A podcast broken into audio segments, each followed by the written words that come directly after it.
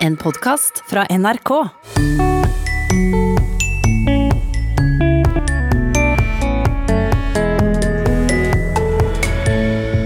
Det å få lov til å presentere språkloven er jo en eh, gledens dag. Det er også en eh, historisk dag. Aldri før har Norge hatt en helhetlig språklov. Sa en stolt kulturminister da han la fram språkloven denne uka. Men loven møter motstand. Hvis språklova blir vedtatt eh, slik den ligger nå, så vil det ikke dessverre bli like lett å være nynorskbruker som det vi hadde håpa på. Og både stil og innhold i 17. mai-taler har endra seg siden 1814. Men funksjonen er like viktig som før. Den roser våre verdier, det vi deler, det som er felles. Og Det er jo derfor disse talene er så viktige. Fordi Hvis ikke vi samles om noen felles verdier, alle sammen, så har vi egentlig ikke noe land. Vel møtt til Språkteigen, og gratulerer med dagen. Det blir en halvtime med feiring her, for vi har fått en språklov som skal verne norske språk, og det er grunnlovsdag. Og som om ikke det er nok, så har Språkteigen enda en grunn til å feire, for vi har fått en ny medarbeider. Knut Knutsen Eigeland, velkommen til Språkteigen. Tusen takk. Det er både hyggelig og spennende å debutere på selveste nasjonaldagen. Mm, og så fikk du kanskje en av de viktigste språksakene i år rett i fanget. Det gjorde jeg absolutt. Dette er vel eh, en av de store nyhetssakene innen dette feltet i år. Mm. For språkloven ble altså lagt fram av kulturministeren tirsdag, med stolthet, men hvordan blir loven tatt imot? Det er mye godt uh, å høre om uh, den nye språkloven, men selvfølgelig så uh, er det kritikere både blant de politiske partiene, men også blant språkorganisasjoner. Mm, så det blir debatt og kanskje en liten kamp i Stortinget? Det er i hvert fall flere partier som allerede nå antyder at slik språkloven foreligger nå, slik kan den ikke vedtas til slutt. Mm. Men vi skal komme tilbake til politikerne og begynne et annet sted. Ja, vi starter med Norges eh, Mållag. For eh, Peder Lofnes Hauge ble valgt til leder i slutten av april. Og det å ha synspunkter på språkloven er noe av det viktigste han gjør denne våren. Og han er altså ikke fornøyd med språkloven slik den foreligger nå. For det første så hadde jo vi eh, håpt at regjeringa ville bruke dette dette, denne anledningen til å legge fram en lov som virkelig var offensiv på nynorsken sine vegne. Det syns vi nok ikke de har fått helt til. Mållagslederen oppsummerer sine meninger om språkloven, før vi går inn i noen av de konkrete forslagene kulturminister Abid Raja la vekt på under sin pressekonferanse denne uka. Fylkeskommunen, og ikke bare staten, skal sende brev til nynorsk brukere, enkeltindividet, på nynorsk, og til bokmålsbrukere på bokmål. Dette er nytt. Fylkene får noen nye språkregler, men nettopp fordi fylkeskommunen er en viktig språkaktør og en stor tekstprodusent, så burde de fått enda strengere språkkrav, slik at innbyggerne i fylkeskommunen eh, hadde fått møte mer nynorsk i hverdagen sin. Statsorgan og fylkeskommuner skal kunne kreve at de ansatte skriver nynorsk og bokmål, slik loven krever. Også fylkeskommunene. Det er nytt. Problemet ligger i detaljene, fordi eh, eh den formuleringa også åpner for at en kan la være å kreve denne kompetansen. Vi har eh, tidligere her i Språkteigen snakka om spørsmålet om sanksjonsmuligheter for brudd på denne loven. Loven sier ingenting om dette. Det hadde vært med og tatt denne lova på alvor, så vi skulle ønske at Språkrådet fikk sanksjonsmyndighet til denne lova gjennom f.eks. dagbøter til de organene som ikke følger reglene. Kan du si noe positivt om eh, loven? Ja, det kan jeg. Eh, her er en del positivt. Særlig første, altså formålsparagrafen i lova er blitt eh, veldig positiv fordi den slår eksplisitt fast at det offentlige har et særlig ansvar for å styrke nynorsken som det minst brukte av de to offisielle skriftspråkene. Og Det er klart at det er eh, på mange måter en historisk eh, formulering. Jeg kunne aldri stemt for denne loven om jeg satt på Stortinget for Nynorskpartiet Venstre. For den nåværende mållagslederen har vært rådgiver for nettopp Venstre. Ja, Aller først så er jo vi i Språkrådet veldig glade for at det nå kommer en språklov. Det er jo eh, et eh, språkpolitisk tiltak som vi har eh, ønsket oss lenge. Dette er Åse Vetås, som er direktør i Språkrådet. Hun har registrert kritikken fra Norges Mållag, som altså mener loven på noen områder svekker nynorsk. Men så ligger der òg inne et eget ledd i formålsparagrafen som sier at dette omfatter et særlig ansvar for å fremme nynorsk som det minst brukte norske skriftspråket. Og dette grepet det styrker jo eh, nynorskarbeidet eh, generelt. Sier Åse Vetås i Språkrådet.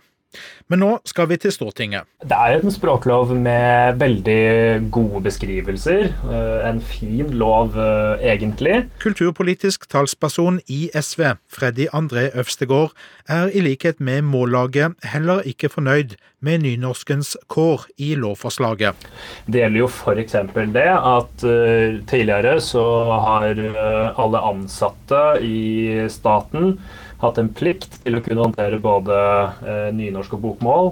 Men i denne loven så vil det heller være opp til hver enkelt virksomhet om de skal kreve det av sine ansatte eller ikke. Så man innfører en slags valgfrihet for uh, hvorvidt man skal uh, også kunne kreve det med, med nynorsk. SV har vært tydelig på at det burde gis sanksjonsmuligheter overfor dem som bryter språkloven.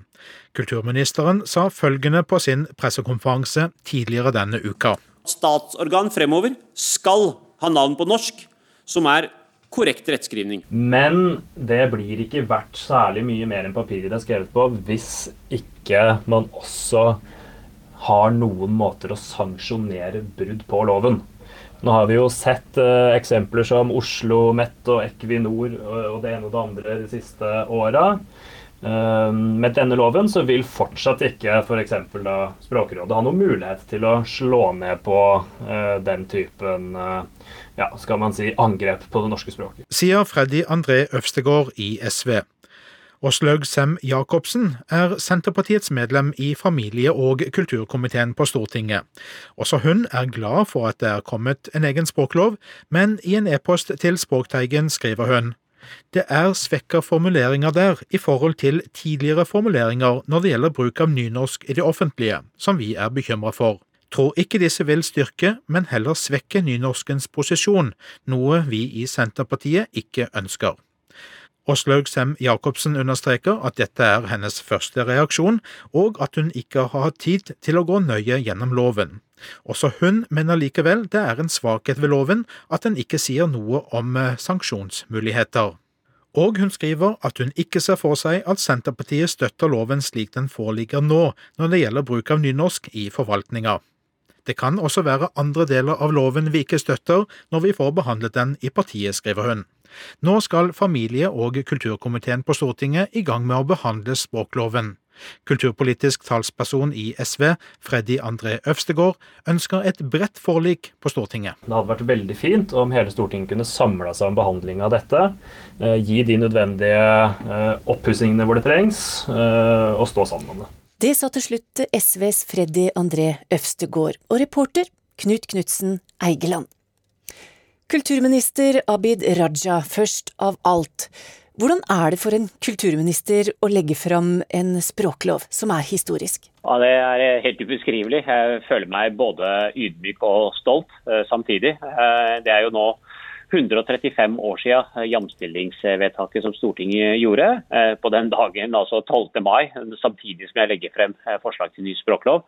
135 eh, år siden. Og nå tar vi også skrittet enda lengre med å få en egen språklov. Det er litt rart at, at vi har liksom tatt norsk og alle språkene våre eh, for gitt, men at vi får da en egen lov som slår dette fast, det er, eh, ja, det er veldig veldig bra. Jeg føler meg veldig heldig at jeg får muligheten til å gjøre dette. Vi hører du får kritikk for ikke å gå langt nok i å hjelpe nynorsken. Hva sier du til kritikken? Nei, Jeg vil tilbakevise det. Jeg mener at paragrafen, paragraf 1 altså, den sier jo eksplisitt at man skal fremme likestilling mellom bokmål og nynorsk. Altså det er en, Hele formålet med loven legges i paragraf 1, og hele formålet er å fremme likestilling mellom bokmål og nynorsk. Det tror jeg Mållagets leder burde få med seg. så sier jo vi eksplisitt at vi går lengre enn hvordan loven har vært før. Nå er det jo bare staten som har, har hatt plikt til å uh, skrive på uh, nynorsk, både til kommunene, til innbyggerne sine, eller på, på sine nettsider. Nå utvider jo denne plikten til å også gjelde fylkeskommuner. Nå skal også fylkeskommunene skrive til nynorskkommunene eh, på nynorsk og til bokmålskommunene på bokmål, men de skal også svare innbyggerne sine på den, den språkformen som innbyggerne ønsker å ha. Det er jo å gå veldig mye lengre. Og Tidligere så er det jo bare staten som kunne kreve at uh, de ansatte skulle skrive bokmål og nynorsk. Nå sier vi at både staten og fylkeskommunene skal kunne kreve at ansatte skal skrive både bokmål og nynorsk. Så på svært mange områder så går vi faktisk veldig mye lengre for nynorsken, og det er jo jeg som uh, venstrepolitiker særlig glad for.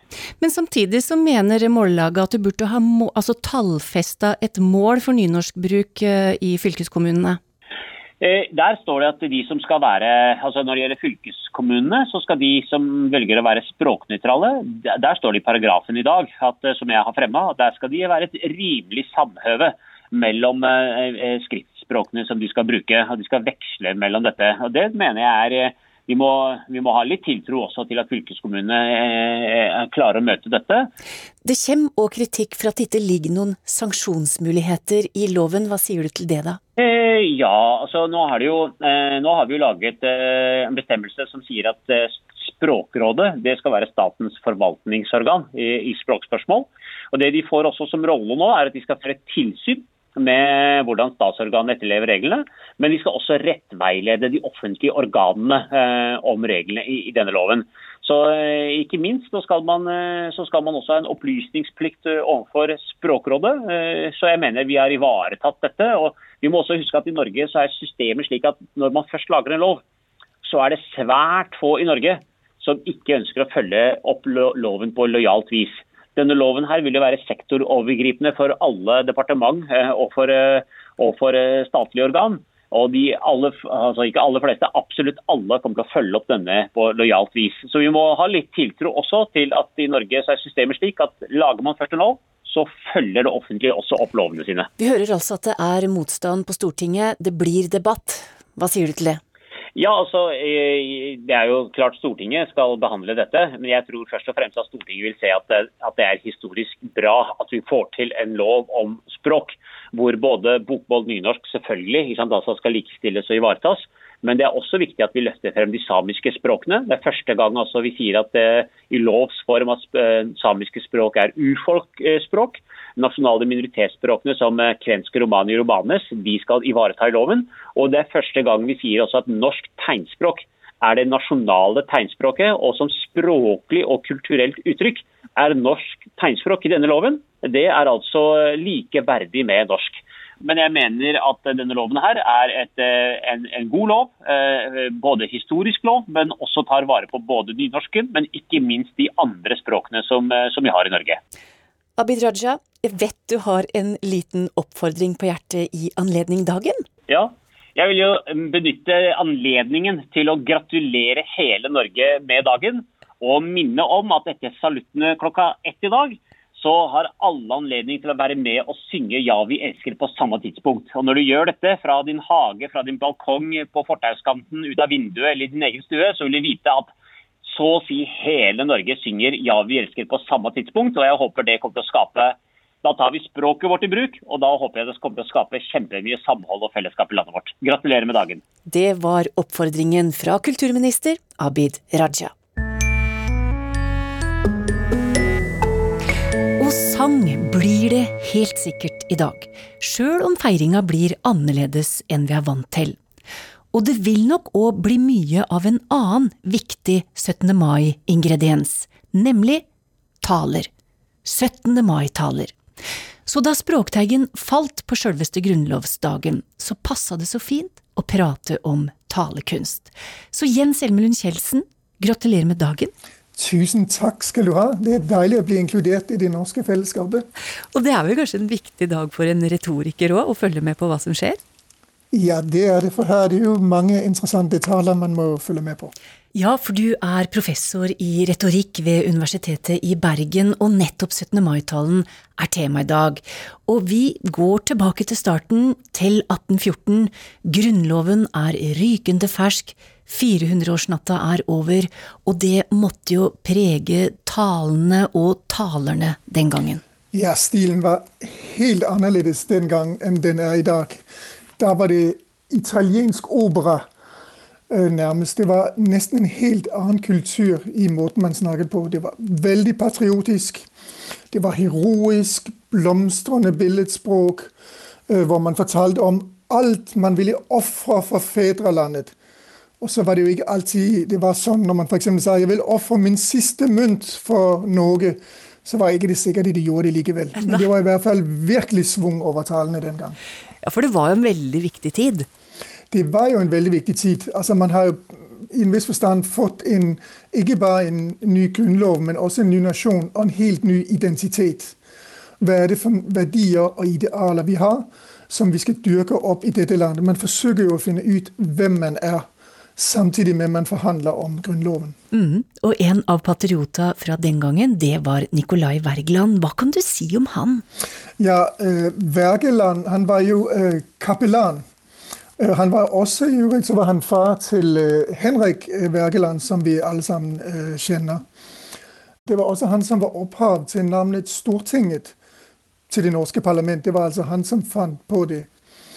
Og han var, som mange av de andre uh, i disse årene, representant for denne patriotiske stilen, som var full av utrop, opprop, direkte henvendelser. Man henvendte seg til, til, folk som ikke var til stede, og til og med til ting. F.eks. kunne de si 'O, du hellige odelsrett', og masse av sånn blomstrende billedspråk. Og han holdt en, en viktig tale i, um, i samlingen på 18, under 1814. Vi skal høre litt av den talen. Edle herrer, ærverdige forsamling, nordmenn, brødre, skjenker meg av godhet et øyeblikks oppmerksomhet. Med inderlig kummer har også jeg reist meg for å yde mitt klagesukk over nasjonalforsamlingens døende selvstendighet, over folkets tapte håp til oss. Jeg tør tale med frimodighet, intet avskrekker meg, også et liv har jeg at give dette kjære folk. Jeg svor en ed i min sjel da jeg forlot mitt arnested, at være blind for alt personligt hensyn, all personlig fordel, og lokke lokkende forhåpninger skulle ikke gjøre meg til forræder mot mine norske brødre. Gode Gud, hvilke kimærer gjenlyder disse hvelvinger av! Hvilke Dette var sjølsagt ikke et lydopptak av Nicolai Wergeland, men min kollega Bjørnar Pedersen som prøvde å finne ånden i Wergelands tale. Men hva er det vi hører her, Jens? Jeg legger merke til i begynnelsen her hvordan Han kommer ikke inn og sier 'hei, alle sammen'. Det er edle herrer, og ærverdige forsamling, nordmenn, brødre. Skjenker meg godhet et øyeblikks oppmerksomhet. Altså, det er virkelig en, en sterk innledende tale, og han reiser seg med inderlig kummer osv. Så, så Så du kan si det, det går ganske lang tid innen man egentlig kommer i gang med å si noe som helst. Og, og det er noe av det som er det typiske ved mye av disse patriotiske talene. det er at det er ofte litt vanskelig å finne ut hva snakker de egentlig om. Og det er jo nettopp en del av den patriotiske stilen. Den handler om å vise hvem man er. Så det vi i retorikken kaller etos, altså din karakter, og dine sterke personlige verdier, det er veldig viktig å, virke, å vise det frem. Vi skal hoppe noen år fram til en annen patriot. Året er 1833, ei tid da kong Karl Johan hadde lagt ned forbud mot å feire grunnlovsdagen, og en tale som blir kalt 17. mai-talen over alle 17. mai-taler. Og hva slags tale er det snakk om? Ja, Det er kroneksempelet på denne patriotiske stilen. Det var en tale som mange hørte, og de ble blest vekk av denne talen. Men de fleste sa etterpå at de var ikke helt sikre på hva det egentlig var han snakket om. Nei. Og mannen som snakket, det var Henrik Wergeland. Altså Nikolai Wergelands uh, sønn. Og han skulle snakke ved avdykningen av Krokstøtten, altså en støtte som ble reist til minne om øh, politikeren uh, og juristen Christian Krog. Og han var jo kjent som en person som var for folket, for Norge, for norsk frihet og imot kongen. Så derfor var det jo en veldig viktig person å på en måte hedre. Og det er en tale som feirer verdiene som er frihet, fedreland, plikt og dåd. Og det er jo sånne verdier som vi nesten aldri snakker om lenger. Ja, vi skal høre litt på det. Men øh, kanskje vi skal si litt om det dramaet som var i forkant av talen? Ja, for det var jo morsomt. Altså, Det var meningen at Henrik skulle holde denne talen, og det var han veldig glad for. Han var ikke så kjent denne gangen som han ble i eftertiden. Men kvelden før da hadde både venner og uvenner gjort sitt ytterste for å drikke han under bordet for å forhindre han skulle holde denne talen. Ja. Så han kom ganske sent hjem og i veldig uh, dårlig stand. Og ikke nok med det, på veien hjem var han kommet i en slåsskamp. Så han så jo ikke ut, og han kunne ikke gå i de klærne han hadde.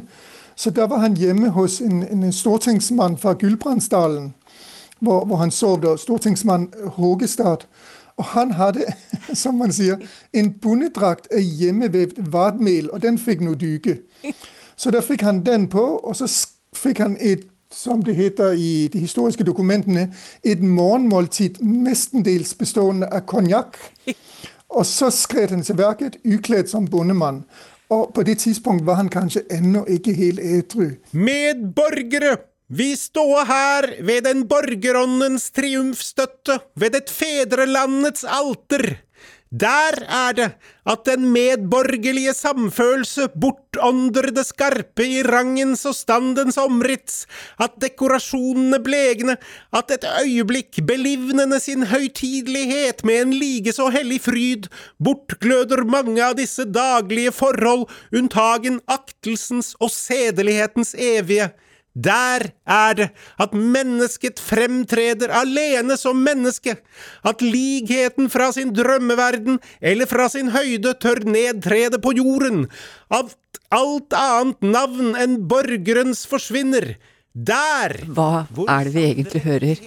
Ja, Det som man egentlig hører gjennom hele talen, og nå hørte vi ikke hele talen, det er jo en slags hyllest til fortidens helter og patriotene, og deriblant selvfølgelig først og fremst Christian Krogh, men også igjen en slags hyllest til idealene.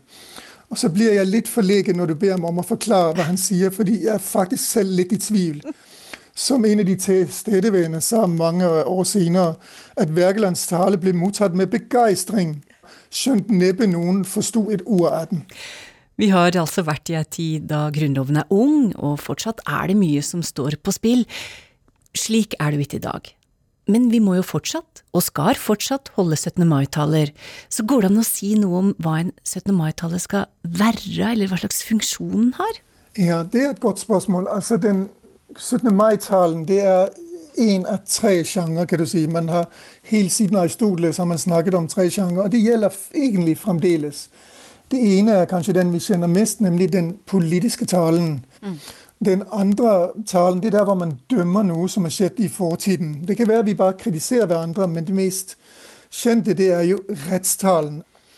Men den talen som er 17. mai-talen, er det vi kaller lovtalen. Og Det er ikke fordi den handler om lover, det er fordi den lovpriser. Og det har vi jo allerede hørt. Den roser våre verdier, det vi deler, det som er felles. Faktisk de latinske og, og de greske navnene for denne talen peker akkurat på det. Fordi på latin så kaller man den demonstrativ. Altså den viser frem, eller fremstiller, eller demonstrerer noe, nemlig verdiene. Og på oldgresk heter det epideitisk. Og ordet betyr egentlig å utpeke eller peke frem. Og det gjør vi også med 17. mai-talen. Hva er det vi peker på der? Hva er det vi viser frem? Jo, det vi hørte var at Først var det patriotisk selvoppofring, framvisning sin egen heroiske positur, øh, verdiene vi deler. Men nå i våre dager nå snakker vi veldig mye om vår felles historie, om landet vi deler. Mange snakker om fjell og fjord, og veldig, veldig mange snakker om vårt demokrati. Så er også ofte omtalen av andre verdenskrig et tema. Ja. For det er jo der at vi ser oss selv som nordmenn klarest når vi blir okkupert av en fremmed makt. Så vil frigjøringa for, eh, som vi da markerer 75 år sia i år, eh, sette sitt preg på årets 17. mai-taler, tror du? Utvilsomt. Helt utvilsomt. Mm. Så det vil vi f.eks. få høre i statsminister Erna Solberg sin tale? Ja, jeg vil gjerne sette min oppsparing på hun kommer til å nevne det, ja. ja. Og når vi først er inne på Erna Solberg, Eh, det er jo et stykke både tid og stil fra de patriota vi har hørt om, og til hun, når hun står i hjembyen Bergen og holder 17. mai-taler. Det blir ikke helt den samme schwungen over framføringa? Nei, og det er jo fordi at Norge 2014, 15, 16, 17, 18, 19 er jo ikke Norge i 1814. Nei. Og det er jo interessant, fordi vi forbinder oss jo med 1814 og Grunnloven og tenker at vi er de samme, men egentlig så er det to forskjellige kulturer. Altså Norge 1814, i hvert fall retorisk, og Norge 2020 er like forskjellig som Norge og Italia i dag. Og kanskje enda mer forskjellig. Så det er jo åpenbart hvis Erna Solberg hadde begynt å snakke slik man snakket den gang, da hadde folk trodd hun var gal. Ja. Så det gjør hun selvfølgelig ikke. Nei. Men hun peker fremdeles på noen av de samme verdiene de verdiene som vi mener er de viktigste i Norge i dag. Mm, og vi skal høre noen eksempler på det, først fra talen i 2014, som var 200-årsfeiringa for Grunnloven. Men jeg tror at vi sammen fortsetter å endre vårt samfunn, og da skaper vi også mer likeverd og større frihet. For det er ytringsfrihet, trosfrihet, likestilling og demokrati står klippefast i Norge. Likeverd f.eks. er en verdi som du ikke på helt samme måte hørte patriotene snakke om. Og likestillingen snakker de nå i alle fall ikke nei, om. Nei. Så det viser jo at verdier er hele tiden under utarbeidning og under forandring. Og så til talen i 2017. Og I dag feirer vi Grunnloven, men vi feirer også våre verdier. Både de vi finner i Grunnloven, og de vi opplever som å være en del av vår felles norske identitet. Frihet, demokrati og tillit. Men dette er ikke verdier som er der for evig og alltid. Det er verdier som vi må pleie. Tillit er altså også noe vi forbinder med Norge. Og så sier hun dette er verdier vi må pleie. Og Det er jo derfor disse talene er så viktige. Fordi Hvis ikke vi samles om noen felles verdier alle sammen, så har vi egentlig ikke noe land. Er det andre ting du har merka deg som trekkes fram i statsministerens eh, taler? Ja, du, Det er litt gøy, fordi det er én ting som vi har lagt merke til, som ofte blir nevnt i 17. mai-taler. Et sånn fast innslag. Og det innslaget, det er pølser og is. Det er, det er forbausende hvor mye at disse talene handler om pølser og is. Og det er jo fordi 17. mai har utviklet seg til det vi her i landet kaller en folkefest. Og det sa f.eks. statsministeren i 2017. Hun sa rett ut 17. mai er en folkefest, det er vår fest. Og at vi fant vår egen måte å feire med barnetog og folkedrakter. Og 2019 sa hun at det var dagen for norske flagg, prosesjon, bykorps og store mengder is og pølser. Helt til slutt, eh, Jens, du har jo allerede satt penga dine på at frigjøringa nevnes i statsministerens tale i dag. Kan du bare si ett ord som blir viktig? Hun kommer til å si frihet. Og hun kommer sikkert til å sammenligne det som skjedde i 1814, hvor man også som nasjon fikk frihet, med det som skjedde under og etter krigen, hvor man igjen fikk frihet. Så jeg tror hun kommer til å koble de to tingene. Vi får svaret litt senere i dag. Takk til deg, Jens Elmelund Kjeldsen, som er professor i retorikk. Og med det så er feiringa slutt i Språkteigen. Jeg ønsker alle en riktig fin 17. mai. Ha det bra.